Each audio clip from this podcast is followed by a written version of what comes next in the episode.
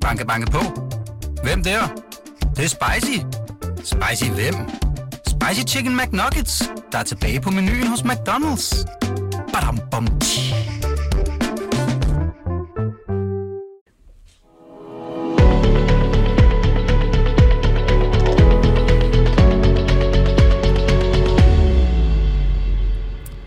Velkommen til Aktieskolen på Euro Investor. Du skal ud på en rejse. En rejse ind i dit sind. En rejse helt ind i sindet. Så er du klar. Ja, kære lytter af Aktieskolen, øh, du, du er jo faktisk klar til at øh, bevæge dig ud på egen hånd på det her fascinerende og dramatiske øh, finansielle marked, i hvert fald hvis du har hørt de foregående ni lektioner. Vi har været igennem selve analysen og kursdannelsen. Vi har talt Wall Street, altså så øh, ved vi, hvad de taler om, øh, når der bliver talt Volapyk, for eksempel i Millionærklubben, eller når man hører eksperter rundt omkring udtale sig om aktiemarkedet. Vi har også været igennem de vigtigste strategier. Jeg selv skatten har vi fået øh, styr på. Det var der, hvor jeg øh, i den grad også selv kom øh, på skolebænken. Altså nu er der kun én ting, som står mellem dig og succes på aktiemarkedet, i hvert fald på, øh, på længere sigt. Øh, din største forhindring, det er, det er det, som sidder her øh, mellem ørerne på dig selv. Din største fjende på markedet, det er dit sind, det er din hjerne, det er dig selv. I det her afsnit, der skal det handle om, hvordan menneskets psyke igen og igen har det med at spænde ben for selv de mest velovervejede strategier og de bedste handler, man kan forestille sig, at man kan gøre som øh, investor. Og øh, til det, der skal jeg igen bruge noget eksperthjælp, og så kan jeg byde velkommen til dig, Jens Balle. Tak fordi du kom forbi. Meget gerne, tak fordi jeg måtte. Jens, jeg, altså, jeg skal præsentere dig ordentligt, øh, og du skal hjælpe mig, fordi du har været i den finansielle branche gennem 30 år. Du er jo faktisk af hjertet finansmand. Jeg kan se, du har været, var det valutadealer? Ja, altså, du har været investeringsrådgiver, og direktør i en investeringsforening, og jamen, øh, arbejdet med den der side med kunderne. Og det er jo egentlig kunderne og mennesket, der interesserer mig mest. Så derfor for fem år siden, så sprang jeg ud som øh, forfatter og foredragsholder. Vi holder lige fortæller... bogen op, hvis der skulle være en enkelt lytter, der, hører, der ja. ser med på, på Jørgen Vesters hjemmeside, så jeg ved ikke, om vi kan se den, hvis jeg holder den sådan her. Producer Alex siger ja. Bogen den hedder Når hulemænd investerer. Ja, og det er min nyeste bog. Jeg udgav en anden en, der hedder øh, Hulemænd i habiter for øh, seks år siden, eller fem år siden var det vist. Og øh, det her det er jo så ikke nødvendigvis en tor, men den fortsætter serien og tager, holder fast i de her hulemænd. Og, og hvad er det ved... Øh, altså, du, du, den handler jo om psykologi. Det handler om øh. psykologi og de finansielle markeder, for de ja. to ting hænger u- ubindeligt sammen, som du også selv var, var i gang med at sige noget om. Men altså, som du også selv indledte med, vi skal længere ind. Det er, fordi det er inde i os selv. Mange af de fejl, vi begår på de finansielle markeder, de sker øh, fordi vi bliver grebet af tingene, eller vi følger for tæt på markedet, det betyder, at vi gør noget bestemt osv. Og, og det er det, min bog handler om. Og øh, jeg ved, der er Øh, altså en ting er, at man kan arbejde med sig selv og sin egen øh, psykologi, og, og øh, øh, altså, det kan være svært uanset hvor meget man ved om sig selv, øh, og, og faktisk handle efter det, og, og altså være tro mod sin strategi osv. Men vi kan jo lige så godt starte med en bevidsthed. Øh, så kan man da i hvert fald vide det, øh, hvad der er, der sker op i hjernen på en. Og, og du har de her syv du vil kalde ja. dem syv dødssynder? Jeg, nej, jeg kalder dem syv investeringssynder, fordi det er jo der, vi begår dem. Det er ikke over i, i den anden kategori. Øhm, og det er helt sikkert, er det godt at vide det her. Det er desværre ikke nok at vide det, fordi vi falder i dem. Øh, mig selv som eksempel, jamen jeg har arbejdet med det her i næsten 20 år. Jeg fandt interesse for det under dot-com-krisen, hvor jeg så tænkte, jeg skal vide noget om, øh, om det her investorpsykologi. Så læste jeg en bog, den første, den tror jeg var på 50 sider, og så tænkte jeg, jeg skal da ud og holde nogle foredrag om det her. Det er med spændende. Øhm, det er en af dem. Det er, at vi overvurderer os selv. Og det gør jeg også, og vi mænd er faktisk dem, der er værst til det. Og det betyder jo, at når vi skal for eksempel investere, jamen så sætter vi os ikke ordentligt ind i tingene. Vi tror, vi ved mere om det, end, vi egentlig gør. Jeg har været i et program på et tidspunkt her for ikke ret lang tid siden, hvor der var en privat investor med, og han arbejdede med LED-lys, så al hans eksponering i hans øh, aktieportefølje, det var i nogle virksomheder, der arbejdede med LED-lys. Fordi han troede, han vidste mere om det. Det gjorde han sikkert også, men det er jo ikke sikkert, at ens investeringer skal være indrettet på det. Men vi har de her typiske fejl, vi begår, og jeg nævner så syv af dem. Mm. Hvordan, hvad, hvad er det, der i psykologien ligger til grund for, øh, at vi overvurderer os selv? Jamen, øh, altså det er jo egentlig en positiv ting. For hvis vi ikke overvurderer os selv, så vil salget af lykkepiller jo være endnu højere, også her i Danmark. Og så skal man købe Lundbæk. Det skal man købe Lundbæk, ja. øh, men, og, og, og det er den her, vi, vi tror, vi ved noget. Vi tror, vi har noget indsigt. Øh, man hører nogen, der snakker om det i Millionærklubben eller et andet sted, og så føler man sig sikker på, at jamen, det er det, der kommer til at ske. Så kan man koble den sammen med en af de andre syv dødssynder, en der hedder optimisme bias. Øh, det bedste eksempel på det, det er, at jeg nægter at tro på, at der kan være ret mange rygere, der ikke ved, at der kan være nogle skadelige bivirkninger ved rygning. Og alligevel er der cirka 25 procent af os, der bliver ved med at ryge. Så vi ved godt, det er farligt, men det vi gør, det er, at vi tænker, det er de andre, der bliver ramt. Og det gør vi også, når vi investerer. Så investerer vi måske meget snævt, som det jeg nævnte før, med kun at have aktier i LED-sektoren, eller i, øh, i fangeaktier, eller hvad det nu er, man er inde og kigge på. Men man ved måske godt, at det er en god idé med spredning, for det har vi jo sagt mange gange, alle os, der arbejder med det. Men jeg har styr på det. Der sker ikke noget for mig. Det er det, der sker med de der to øh, investeringssønder, hvis man kobler dem sammen. Mm. Der er vist noget med, der, at, øh, at der øh, i Sverige har været det her et berømt psykologisk studie, hvor man har spurgt bilister, øh, om, om, om de er gode eller dårlige i trafikken. Ja. Og, og det er sådan, øh, relativt til andre, så mener 80 procent af ja. bilisterne, mener, de kører bedre bil. Fuldstændig rigtigt. En gennemsnit. En gennemsnit. Ja. Og det kan jo ikke lade sig det, gøre. Det kan jo ikke lade sig gøre, nej. Men, men det er jo en, et simpel illustration af det. Øhm, og det er jo 100% det, jeg også får ind, når jeg er ude i holde foredrag og spørger folk om det samme spørgsmål. Mm. Jamen, så kan man se, at alle rækker hånden op på, at de kører bedre bil end de andre. Og hvis vi også tror det på mange andre områder, for eksempel når vi investerer, så kan det være uheldigt. Hvordan stopper man det? Hvordan, hvordan, øh, hvordan tester man sig selv på? Du ved, man, altså jeg kan jo lige forestille man tror, man er sådan en verdensmand, har lige åbnet en konto i Saxo Bank. Nu skal der handles. Ja. Hvordan undgår man den der? Ja, altså det er jo det, der er det rigtig svære, fordi det er ikke nok bare at være vidne om det. Som jeg var ved at sige indledningsvis, jeg har arbejdet med det i mange år. I 2009, der havde jeg den samme strategi, som jeg har i dag, og det er punkt 1. Jeg tør ikke tage nogen risiko med mine investeringer, så jeg har investeret det hele i aktier. Jeg vil ikke risikere ikke at få nok i afkast. I 2009, det var så der, hvor finanskrisen den sluttede i marts 2009, der bundede det ud. Og lige præcis i den måned, der sad jeg var enormt nervøs og tænkte, Jens Balle, hvad har du gang i? Din strategi, den er jo helt forkert. Hvorfor har du ikke nogen obligationer, så du tænker i gynger og karuseller, du skal gøre noget om? Og der skal man tænke på, at jeg sad helt tæt på markedet. Jeg var direktør i en investeringsforening. Mine kunder havde tabt penge. Jeg havde tabt penge. Vores øh, økonomer, de var negative på det. Pressen var negativ på det. Alt var negativt omkring aktier. Og der overvejede jeg, skal jeg lave noget om? Jeg valgte ikke at gøre det, og har den samme strategi i dag, og det er jeg utrolig glad for, fordi vi har jo haft stort set en optur lige siden da. Mm. Men man bliver påvirket af det, selvom man er vidne om det. Det er så en, man kan måske kalde det en, en 8. synd, øh, som hedder The G.I. Joe fallacy, fordi at øh, vi tror, at når man ved noget om det, så er det nok. Så kan man agere på det, men det kan man ikke. Derfor er man nødt til at opstille nogle regler for sig selv. Alt det her, det springer ud af det, det hedder adfærdsøkonomi. Og der er der også noget, der hedder notch, og det har du sikkert hørt om. Det her med en flue nede i en toiletkum, og så tisser vi der i stedet for på gulvet, os mænd altså. Ja, øhm, skulle lige til ja. sige det. og, og din titel på bogen, det er jo Hulemænd, øh, ja. MK. Ja, det er det i hvert fald. Fordi men, men mænd er det værste, som du siger. Ja, til at overdrive ja. øh, egne evner, der er mænd helt klart det værste. Vi, vi er de værste. Men øh, det her notch, det er man så nødt til at gøre ved sig selv. Man er nødt til at opstille nogle spilleregler, der gør, at man ikke får mulighed for at begå de her fejl.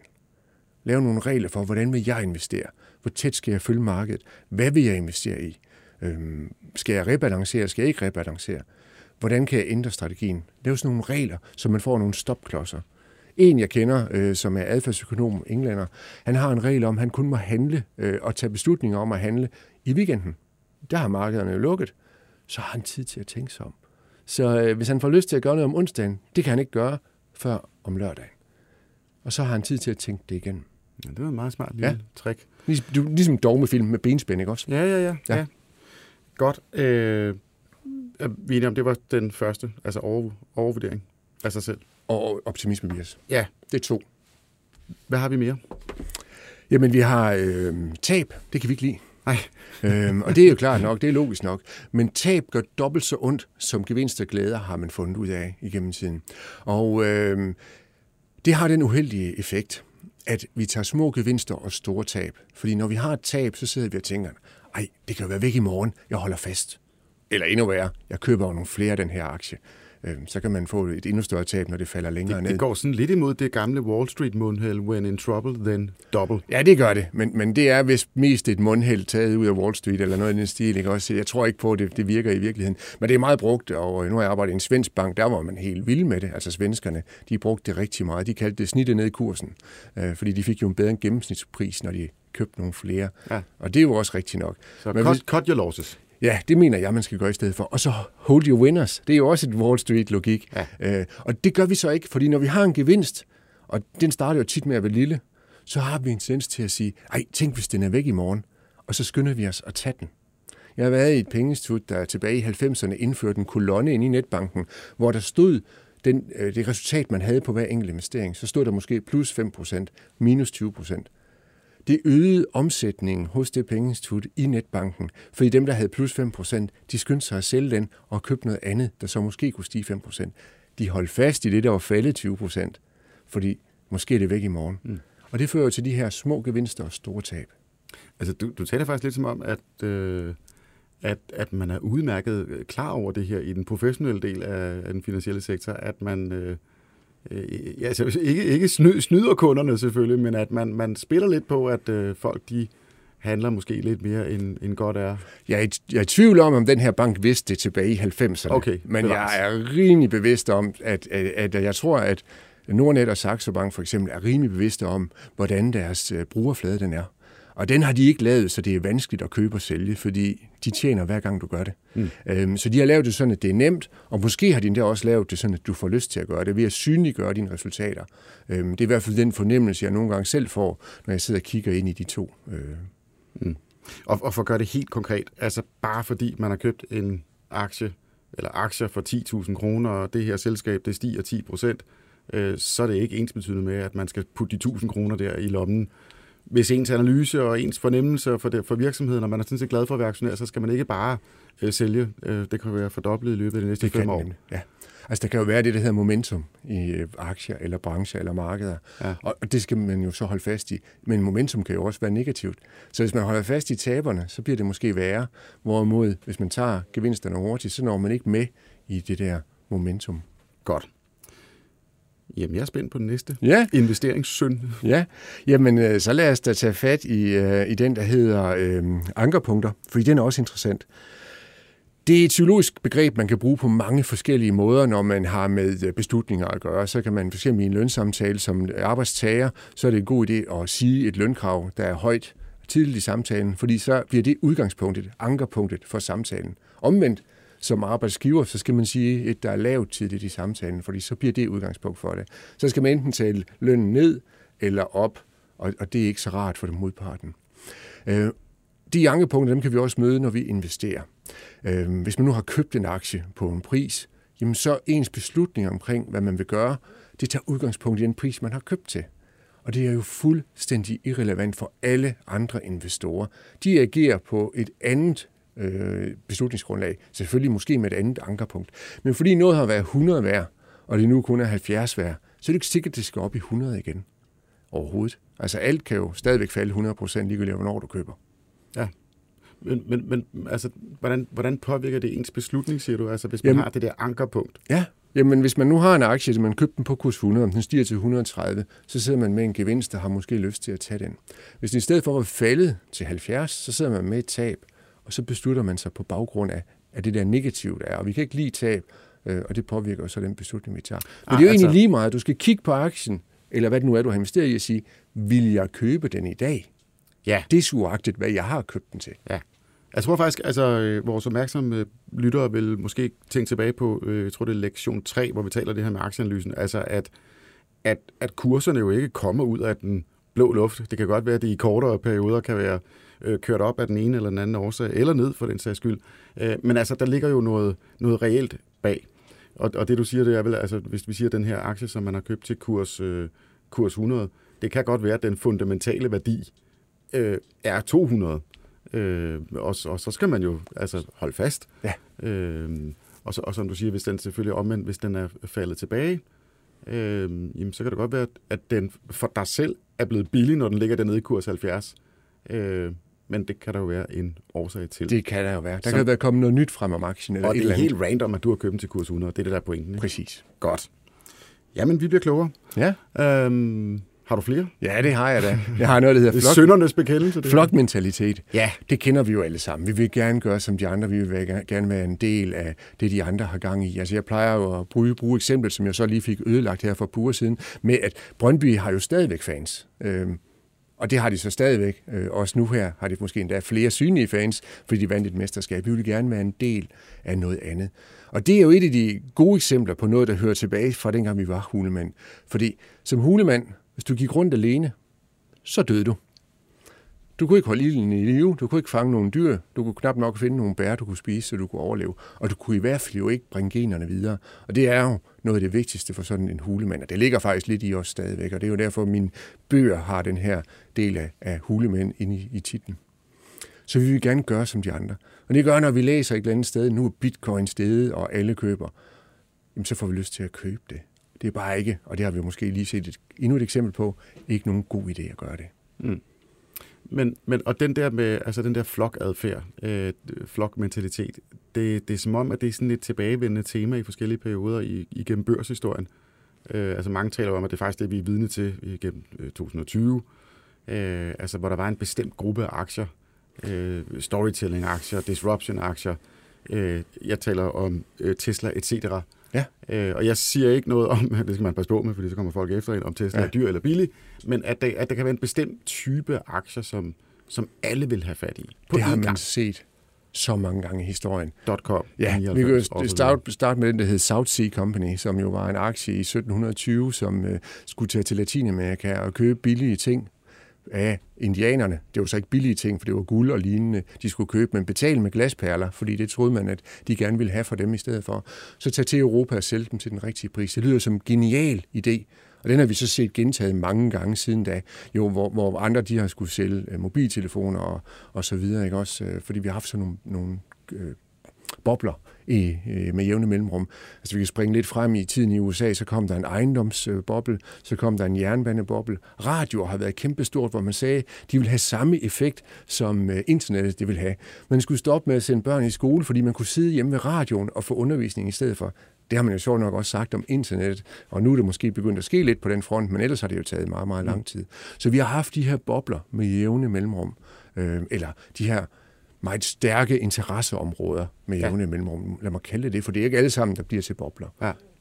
Og, og det er som om, at lige præcis med, øh, altså med, med flokmentalitet og de her perioder, som du taler om, at det er så, altså den historie, der bliver fortalt omkring, om det så er jernbaner, boliger, eller, eller disruption, eller internet, eller hvad vi er, altså det er jo sådan nogle tematiske fortællinger, som er så intuitivt nemme at forstå for os mm. alle sammen. Ja. Det er jo indlysende. Ja Altså, øh, det er indlysende. Ja. Øh, man kan også tage et tema som, at øh, befolkningen i verden bliver ældre. Det var jo sådan en historie, der kørte for to-tre år siden. Præcis, så alle skal have noget nordisk. Ja. Man har ikke rykket sig ud af stedet. Ja, og, og vi, havde, vi havde bedre helbred, så vi kunne også lave flere fritidsaktiviteter. Så ja. blev det fritidsaktier, vi skulle have. Ja, ja. men hvordan, hvordan, hvordan skal man gribe øh, fat i sig selv og sige, okay, Ja, jeg, jeg er enig i analysen. Det, internettet bliver stort, øh, men, men hvordan kan man øh, altså undgå, at man jeg, jeg mener, bliver forblændet af historien, ja. og at de, alle de andre gør det. Alle de andre, de tjener penge på det. Hvad, hvad skal jeg så sidde tilbage? Præcis, så det er jo det, der kan være det svære, ikke? Også, når ja. man ser de andre, eller rettere, man hører de andre tjener penge på det. For nogle gange er det jo bare noget, de siger. Det er jo ikke sikkert, at det er sådan i virkeligheden. Øhm, vi, vi har jo den her selvtillid, og der vil vi helst fortælle om det, der går godt, ikke så meget om det, der går skidt. Jamen igen, vi er tilbage ved det, jeg sagde tidligere, det her med at selvnotche. Vi skal finde nogle regler, hvor vi pakker os selv ind og beskytter os mod at tage nogle dårlige beslutninger. Øh, og det kan man så kombinere med noget, der bliver kaldt for kerne- og satellitinvesteringer, hvor man har en kerne, der er investeret godt og solidt. Bred spredning på aktiemarkedet, ingen hensyntagen til, at nu fritidsinteresser, det bliver spændende at investere i, eller øh, øh, hvad hedder det, elbiler, eller hvad det nu måtte være. Men god, gedin aktiespredning. Det kunne være noget, hvor for eksempel sådan noget som McDonald's det indgår i. Fordi økonomierne går op og ned, jamen der er jo stadigvæk folk, der spiser på McDonald's, de tjener jo stadigvæk penge, og det kan man så sige med en masse andre ting. Herhjemme kunne man sige det om Novo eller Carlsberg eller noget stigning, men altså en spredning. Og så kunne man ved siden af have den her satellit, hvor man investerer en mindre del af sine penge, og så prøver at følge de der ting, hvis man synes, det er sjovt at gøre. Mm. Så kan man kaste lidt efter det, der er nyt og moderne. Det, der kan være farligt, det er, hvis det viser sig, at man får lidt held med det der satellit, så får man lyst til at flytte flere penge derover. Og nogle gange så viser det sig jo, at det netop var held, og ikke fordi man var dygtig. Øhm, og så er det ikke så godt at have flyttet flere mm. penge derover. Ej, nu ved jeg ikke, om du kommer ind på det her, men der er altså gambling-industrien, casinoer, de har jo det her begreb, der hedder house money. Øh, altså når folk kommer ind på et casino og, øh, og hurtigt er øh, heldige, meget heldige, og får en stor gevinst, øh, så sidder casino sådan set og vrider sig i hænderne. Fordi det, der sker med folks psyke, øh, når man får en hurtig, nem gevinst, det er, at man, man føler ikke, det er ens egen penge. Altså hvis man vinder 10.000 kroner på en halv time, så er man faktisk villig til at spille de 10.000 kroner op igen, fordi man, man, det er jo ikke mine penge, jeg er jo bare heldig. Men det er jo ens egen penge. Er det sådan på aktiemarkedet også? Skal man lige passe på der? Det skal man i hvert fald. Og lige en anden en krølle på halen på den der, det er jo også, at man oplever den her tabservation alligevel. Det kan godt være, at det ikke var ens penge, men man havde dem jo i hånden. Ja. Og så taber man dem, og så bliver man sådan helt øh, bange og siger, jeg skal vinde dem igen, jeg skal tjene dem igen. Øh, og, og det påvirker jo så, at man så bliver ved mm. i, øh, og bruger kortet og hæver penge, hvis det er casino, vi er på. Og det gør man også med investeringer, i hvert fald et stykke hen ad vejen. Jeg går bare videre på listen. Øh, er vi ved at være der? Eller? Ja, vi er ved at være der. Jeg har to tilbage, sådan, som jeg har talt okay, godt, igennem, godt. men vi kan snakke om mange ting, tror jeg. Ja, ja, jeg har mange interesse øh, fælles områder her. Men en anden ting, øh, det er, at vi ofte tror, at det, der lige er sket, det kommer til at ske igen. Så hvis der lige har været fald i markedet, så tror vi, det kommer til at falde igen. Eller hvis der lige har været en stigning, så tror vi, det kommer til at stige igen. Og ja, der kan være det her momentum i det, og det kan være en god måde at gøre det på. Men vi har de her idéer. Der er faktisk mange, der er inde og kigge på øh, ved starten af et år, hvordan gik det ind i sidste år? Og så dem, der vandt sidste år, dem synes man er interessant at prøve at købe. Øh, men, men det er bare ikke en god måde at gøre det på, fordi det er sjældent, det dem, der klarer sig bedst, og det er lige så tit, at det er dem, der klarer sig dårligst året efter. Det kan sagtens svinge lidt. Selvfølgelig kan der være år, hvor de bliver ved med at ligge op i toppen, på toppen. Men det, der lige er sket, det tror vi ved med at ske. Derfor, for eksempel, hvis man investerer i investeringsforeninger aktive, øh, så kan man også nogle gange have en tendens til at vælge dem, der klarer sig godt året før.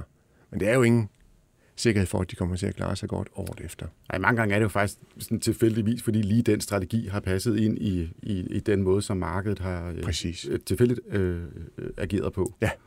Øhm, ja. Og så øh, er der den, den, som de alle sammen på en eller anden måde munder ud i, men som vi også bare har generelt, og det er, at vi kommer til at omsætte for meget. Vi køber og sælger for meget. Og det kan fx være brugerfladen, der animeres til at gøre det. Der er grønne og røde knapper, der får os, giver os lyst til at trykke på noget, og vi tænker, men nu har jeg en gevinst her, så kan jeg lige skynde mig at tage den, og så kan jeg lave en ny en, øh, og så tjene nogle penge på det. Og der er lavet målinger og undersøgelser, der viser, at det er også mænd, der er værst til det. Mm. Vi omsætter simpelthen mere. Det kan være, at det ændrer sig i takt med, at kvinder får en større lyst til at investere, øh, men jeg må bare håbe på, at de så ikke når at lære alle de dumme fejl, vi hulemænd har haft hele tiden. Det kan være, at de kan springe et led over der i evolutionen. Ja. Lad os håbe det for dem. Altså, nu ved jeg både, at, altså, de, at de hjemlige øh, platform, der findes, at de går sådan set meget op i, at, at, øh, altså, at, at folk ikke taber deres penge fordi så er de væk. Men ja, du har fuldstændig ret, altså de, de platforme, som jeg i hvert fald ser fra USA, der er blandt andet Robinhood, øh, som, som jo nærmest ligner sådan et computerspil, Altså, ja. det er enormt fascinerende. Det er ja. sindssygt nemt, og det er jo juhu, og du har vundet en aktie, Præcis. hvis du handler så også mange. Ja. Gamification bygger ind i det, ikke også? Ja, ja, det var det ord der. Ja. Ja. Øh, godt, vi handler for meget. Det var, øh, det var den sidste dødssynd. Investeringssynd. Undskyld, jeg vil ved med det der. Man kan godt dø af det, men... Ja, ja, ja. Øh, Jamen, jeg er jo helt tilbage i helvedets forport her. Præcis. Øhm, nej, der vil jeg skole igen. øh, Jens, alt det, du taler om nu, ikke? Der, øh, der har jeg desværre, jeg aner det ikke, jeg har bare på fornemmelsen, at øh, hvis vi ser på markedet i 2020, det var ligesom skåret over i to dele. Alt det, der var øh, groft sagt, det man kalder vækstaktier, øh, var meget populært. Det steg, og øh, de sådan traditionelle øh, selskaber, hvis vi bare bruger den betegnelse, der value, altså virksomheder, som tjener penge nu, og ikke øh, med en forventning om, at de tjener styrte med penge om 10, 20, 15 år mm. osv. Øh, folk, der har vist, de kan tjene penge, og folk, øh, som, eller ja. aktier, som folk tror kommer til at tjene penge. Så den ene del af markedet faldt, og den anden del steg.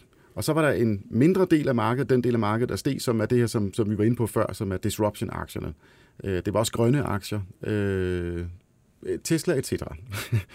Øh, Tesla var jo sådan en perfekt øh, storm, altså med positivt foretegn. Altså, det var ja. både en grøn aktie, og det ja. var teknologi, og det var innovation, og disruption osv. Ja. Men men jeg, jeg har desværre på sådan en fornemmelse. Altså, vi kunne se på vores trafiktal på Jørgenvester, øh, voldsom aktivitet. Vi hørte fra, øh, fra Saxo Bank, at de kunne simpelthen ikke følge med. Øh, altså, altså tænk, det er jo en digital, det er en netbank, vi taler om. Det er en handelsplatform på nettet. Og de kunne ikke nå at processe øh, så mange nye kunder, der kom ind. Så mit spørgsmål til dig, hvad nu hvis, at aktiemarkedet er blevet befolket med 10.000 vis af nye investorer, som har lavet de fejl, de helt nye grønne på markedet, og som har lavet de fejl, du har talt om. Altså, de har købt det mest spændende flokmentalitet, og det, der, det er jo nærmest, det er sjældent, vi ser på markedet, at det følger nærmest kalenderåret. Altså, fordi da, da årsskiftet kom, så vendte det hele ja. på hovedet. Ja. Det, der var populært lige pludselig, det var olieaktier, det var finans, det var industriselskaber, og alle de der højtflyvende vækstaktier, de har fået øh, virkelig mange tæsk ja. her i 2021. Ja. Nu er spørgsmålet, hvad gør man så? Skal man bare give op? Ah, det var et ledende spørgsmål. Ja, det var det. Det var det. øhm, altså, øhm, Altså i modsætning til mange af dine andre gæster, ikke også, så, så er jeg måske ikke helt den rette til at bespurgte dem sådan noget specifikt noget, for jeg følger jo ikke markederne. Fordi jeg har jo en grundregel om, at jeg ikke må følge markedet for tæt, jeg, jeg for så får jeg lyst til at omsætte. Jamen, det er bare lige for... Op på, på ja. en. Altså hvis man er sådan helt maltrakteret af at og det kan jeg godt svare på. Alle mine venner har tjent styrtende i, øh, i de sidste 12 måneder, og nu kommer jeg ind og har tabt 30 procent. Ja. Altså, hvad, hvad, hvad, hvordan skal man tænke om det? Ja. Altså, der kan være to udfald på det her. Også. Det ene det er, at det er småpenge, de har investeret for, så er det ikke sikkert, det får så stor effekt. Altså, det, nogen taler jo om, at, at de, de unge har brugt øh, de penge, de har sparet på at gå i byen til at investere for. Det, er de det kan selvfølgelig leve op. Penge. Ja, det kan selvfølgelig leve op, ikke også? Men, men, øh, men stadigvæk så er det måske ikke så store summer. Men for eksempel så har man på CBS lavet en undersøgelse, hvor man kiggede på investorer, der tager penge på finanskrise øh, ved at have investeret i bankaktier, dem der, der gik ned i Fionia Bank, Roskilde Bank og hvad de ellers hed, de har mistet deres penge der. Hvordan har de ageret som investorer efterfølgende? Og der kan man se stadigvæk, at øh, dem, der har tabt penge, altså øh, dem, der havde investeret i det, de investerer mere forsigtigt. Deres børn investerer mere forsigtigt, og dem, der er sådan tæt på dem, investerer mere forsigtigt. Og det, det er jo egentlig ret interessant. Og det kan jo være ganske ødelæggende for den unge menneske, hvis vedkommende har lært, hov, aktier de er farlige, dem skal man holde sig fra. Fordi de skal jo først til at begynde på deres pensionsopsparing nu. Og sådan en pensionsopsparing, den skal altså have en stor vægt af aktier, når man er ung, mm. vil jeg påstå. Mm. Så det kan være et, et kæmpe øh, setback for dem. Altså kan man omsætte det, du siger til, hvis man ser på den indkomst, øh, altså lønnen statistisk set, stiger jo også gennem mm. ens øh, mm. karriere, som i takt med, at man bliver ældre og bliver forfremmet osv. Altså, at, at, at tage det roligt. I løbet af en øh, livstidsindkomst, så kommer du til at tjene mange flere penge, end det du har smidt på aktiemarkedet. Øh, så, så bliver der ved. Ja. Altså supplerer op. Ja. Fordi markedet, altså på lang sigt, hvis ikke man bliver ved med at begå dumme fejl, øh, så er det jo, øh, altså der findes jo ikke noget bedre Nej, end, end det gør det ikke. Og det er jo det der, det, der har du jo fat noget af det essentielle, ikke også? Det handler jo om, at øh, tid i markedet er vigtigere end market timing. Altså det er en længde, den tid, du har investeret. Altså, der kan vi tage Warren Buffett som et godt eksempel. Han bliver jo tit udråbt som den her aktieinvestor-guru. Øh, og ja, han har jo gjort det godt, og han har lavet god afkast. Han har også lavet dårlig afkast. Men han har været med i mange år. Da han var 14 år gammel, så havde han 5.000 dollar investeret i aktier. 5.000 dollar for øh, 77 år siden, for han er 91 i dag. Det var altså mange penge. Det er ikke helt normalt. Han bor i et middelklasse øh, kvarter som han, i et hus, som han købte i 60'erne, mener jeg, der var. Han kører i en middelklassebil. Ikke en Bentley, ikke øh, en, øh, en, noget andet dyrt, en Rolls Royce eller noget i den stil, selvom han har råd til det. Og, han, og de har øh, efter sine kun den ene der øh, at køre i. Hver morgen så ligger hans øh, øh, 2,70 eller 3,17 frem til ham. Det ene det dækker et lille morgenmadsmåltid, og det andet dækker et stort. Han er ikke en, der bruger penge. Mm. Øhm, og det viser jo bare et godt eksempel på det. Og 90 procent af hans formue har han jo tjent efter, at han blev over 50. Mm. Øhm, tid i markedet er meget vigtigere end markedstiming. 90 procent af hans formue har han jo... 90 procent ja. af formuen? Ja. Og det er altså en af verdens rigeste taler Det er det nemlig. Der er en graf i min bog, lige for at lave et lille hint til den. Endelig. Wink, wink. Ja. ja, ja. Og, og dem har han tjent efter han fyldte? 50. 50 år. Ja. Så der er god tid. Ja, det kan der være i hvert fald, at... hvis du kommer i gang. Ja. Renters rente, ikke også? Yes. Øh, det er utrolig vigtigt. Han havde en, øh, en, øh, en partner der i de unge år, øh, som hed Rick Gurn, og det navn, det siger der garanteret ikke noget. Du kender Warren Buffett, du kender Charlie Munger, men Rick Gurn er der ikke ret mange, der kender. Jeg prøver at lede efter et billede af ham, det kan jeg simpelthen ikke finde. Okay. Øh, men han var faktisk med i det her Berkshire og investerede sammen med dem. Men han havde travlt med at blive rig, og øh, i starten af 70'erne, så lånte han penge til at købe flere aktier for. Og øh, dem, der har været barn i 70'erne, kan huske, at vi ikke måtte køre i bil om søndagen, og butikkerne skulle slukke lyset i vinduerne om aftenen for at spare på energien. Og det ramte aktier ret negativt, så de faldt i en periode. Og så ringer banken jo op og siger, du skal indbetale penge, vi skal have nogle penge fra dig. Og han var nødt til at sælge, og han var også nødt til at sælge sine aktier i Berkshire Hathaway, som jo er det her selskab, Warren Buffett har med at gøre. Sjovt nok, køberen, det var Warren Buffett, der så købte dem tilbage, for det havde han penge til, fordi han havde ikke travlt med at blive rig. Mm. Øhm, og det gør jo, at han har den formue, han har i dag. Ja. Og det var faktisk ikke meningen, at det skulle handle om... Altså, alle de her, ja. der er mange af de her episoder af Aktieskolen, som kommer til at handle om Warren Buffett. Er det og, rigtigt? jeg er, og jeg er selv kæmpe øh, Warren Buffett-fan, eller hvad skal man sige, beundrer af det, han har skabt. Øh, fordi, altså, i, men igen, hvis vi skal tale om hans psyke, fordi det er virkelig noget helt, helt særligt. Altså, det er jo et Excel-ark mellem to ører, øh, får man nogle gange fornemmelsen af. Altså, ja. han er så stringent. Ja og, og altså falder ikke for noget som helst.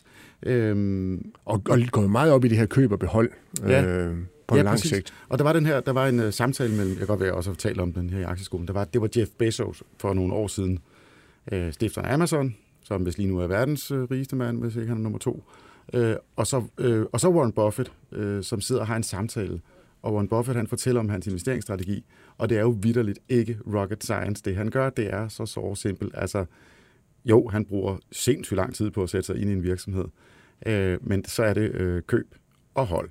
Øh, og så spørger Jeff Bezos, øh, Buffett, øh, hvis det er så nemt, hvorfor gør alle så ikke som dig? Og så svarer han, Buffett, because nobody wants to get rich slowly. Præcis. Altså igen det med tiden. Ja. Men, men du, hjælp mig lige, nu har vi Buffett. Ja. Hvordan, hvordan kan man bruge noget af det, han kan? Jamen igen, det der er problemet i det, ikke også, det er jo, at øh, for at bruge øh, en, en anden øh, kilde, i stedet for at hele tiden snakke om Warren Buffett, så gå en helt anden retning, så har Suspekt en sang, hvor de siger noget med, med at øh, lige så snart vi har bare lidt, skal hele verden se det. Og sådan har vi det jo også lidt. Vi vil gerne skilte med vores succes. Vi skal ud og køre i vores Mercedes, i hvert fald hvis man er en del af Mercedes. Ja, det var mere sober, end jeg havde frygtet. Ja, ja, han bare rolig. Det kan være, vi kommer til de andre lidt senere. men men øh, vi, skal, vi vil gerne vise det, ikke også? Og det er jo derfor, at øh, folk, der har lavet et, øh, en virksomhed, der går godt, de sælger den, og så skal de have de der to huse, og et i Sydfrankrig, og store biler osv., fordi det bliver synligt så. Hvorimod, Altså på at tænke sådan en som Lars Larsen eller dem fra Bestseller, de er jo også holdt fast i deres virksomhed. Det er jo blevet meget større. Jeg siger ikke, at det automatisk sker. Jeg siger bare, at nogle gange skal vi have den der tålmodighed til at turde vente. Warren Buffett har gjort det. Godt eksempel på det. Amazon, han har jo også bare holdt fast. Mm. Han kunne jo også have exitet mange gange og lavet nogle helt andre ting, end det han har gjort. Øhm, og det, det tror jeg, det der langsigtede, dem skal man lave igen. Jeg går tilbage til det med selvnotchet, fordi vi får lyst til det andet. Vi får lyst til at realisere noget og vise hele verden, at det går godt. Øhm, og det går så ud over de afkast, du kan få. Mm. Men, men så skal man jo øh, have en lang snak med sig selv, inden man begynder at investere. Det altså, man. altså med tidshorisont, ja. fordi det er jo det her med, altså hele årsagen til, at vi, vi investerer, det er, jo, øh, altså det er jo noget forbrug, som man sådan set kunne have haft i dag. Ja. Som man så udskyder øh, ja. til en gang i fremtiden, og så kan det forbrug til gengæld blive meget, meget højere. Ja.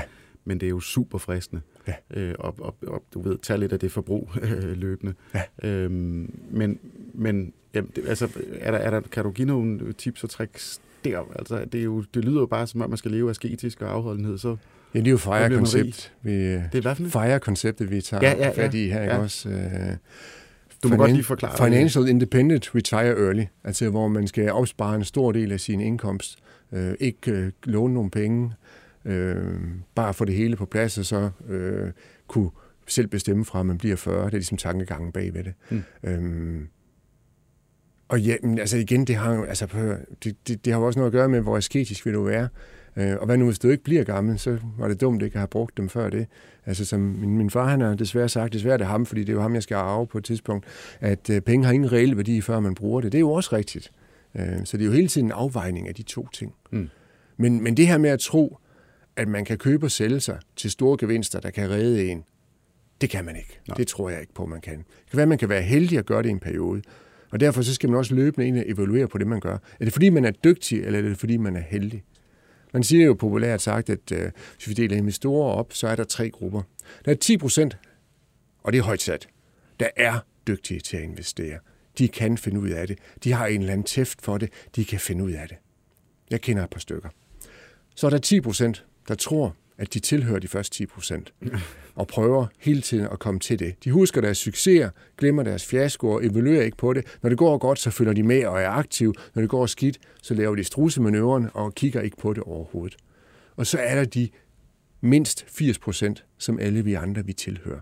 Og vi har brug for hjælp. Vi har brug for hjælp til at tænke langsigtet, og vi har brug for hjælp til at lave investeringerne. Det kan være aktive eller passive investeringsforeninger, det er jeg fuldstændig ligeglad med. Men, men at have en forståelse for, at vi skal have en spredning. Spredning og redning, plejer man at sige. Og det gælder, når man investerer i høj grad. Det sikrer højere afkast og mindre risiko. Derfor skal vi sprede vores investeringer. Ikke kun på aktivklasser, men også inden for aktivklasserne. Mm. Øhm, og det skal vi have hjælp til, fordi vi tror lige pludselig, ej, jeg har lige hørt, at den her aktie er spændende, og så skal jeg bare have alt eksponeret i den, og jeg, det går ikke galt, fordi jeg har det for en god kilde, og der arbejder i virksomheden, og han har selv købt mange i den, og så videre, og så videre, og så videre. Alle de her undskyldninger. Det duer ikke. Nej. Øhm, det bliver næsten det sidste ord. Jeg vil bare gerne vende til, bare lige binde en krølle helt tilbage til det. Noget af det allerførste, du sagde, nu vi taler om, om, øh, om, om ens egen øh, risiko. Altså, hvordan man, hvordan man vurderer sin egen risiko. Og der sagde du, at, øh, at du kan ikke lide risiko. Så du investerer 100% i aktier. Ja. Det er jo sådan noget, man, man, man får at vide nede i, i banken. Ja, det går man så ikke længere, men du ved, hvad jeg mener. Ikke? At, ja. at, at sprede dine investeringer. Men altså, hvis vi bare tager de helt store investorer, pensionskasserne, så er det både det er ejendom, det er skov, det er landbrug, selvfølgelig masser af aktier og obligationer, men så mange aktivklasser som overhovedet muligt. Ja. Øh, hvor, hvorfor har du den opfattelse af risiko? Altså, jeg har den opfattelse blandt andet jo, fordi at, at jeg som privatinvestor har jeg også svært ved at investere i sådan noget som skov og ja, landbrug ja. og sådan nogle ting. Det er faktisk svært at finde noget, der er rigtig godt til os. Øh, de er typisk præget af, at der er lidt for stor omkostning i det, fordi udbyderne gerne vil tjene lidt ekstra på dem.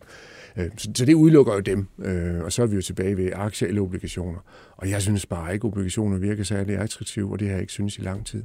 Øh, hvis du har 10 års tidshorisont, så har du 80% sandsynlighed for at få bedre afkast på aktier end på kontant og obligationer. Det er gode odds. Mm. Dem holder jeg fast i, og jeg har faktisk længere end 10, 10 år. Så det er, det er altså en investeringsmæssig beslutning, som, ja. som, som prissætningen på ja. obligationer er lige nu, mere end det er noget med... Nej, det er, altså, nej, det er generelt. Det er ikke et princip. Om nej, det er generelt. Nej, godt. Fordi obligationer giver lavere afkast. Ja, okay, også generelt. Yes. Ja. Modtaget. Skal det, jamen det, er en, det var fint, fordi det er jo en, aktieskole. Vi har jo ikke lavet en renteskole. Øh, Jens Balle, øh, tusind tak. Du har simpelthen taget toget øh, hele vejen fra, fra Jylland til, ja. til, øh, til hovedstaden. Tusind tak, for du tog over. Og øh, skal vi lige slutte af med endnu en gang, og hvis jeg kan få fat i den, og vise din bog, som netop er udkommet, Når hulemænd investerer. Det var Aktieskolen for øh, denne omgang. Der er flere afsnit på vej, så øh, du kan øh, med fordel, så kan man abonnere øh, inde på øh, iTunes, øh, Spotify, eller hvor man nu lytter til sin podcast. Jeg skal sige tusind tak til, øh, til min producer også. Det er Alex. Stine Bø, som er produktchef på Jørgen Hun står for alt det praktiske. Jens, du skal have det sidste ord. Tusind tak, fordi du kom. Jo, men tusind tak, fordi jeg måtte. Jeg håber, I har noget ud af det.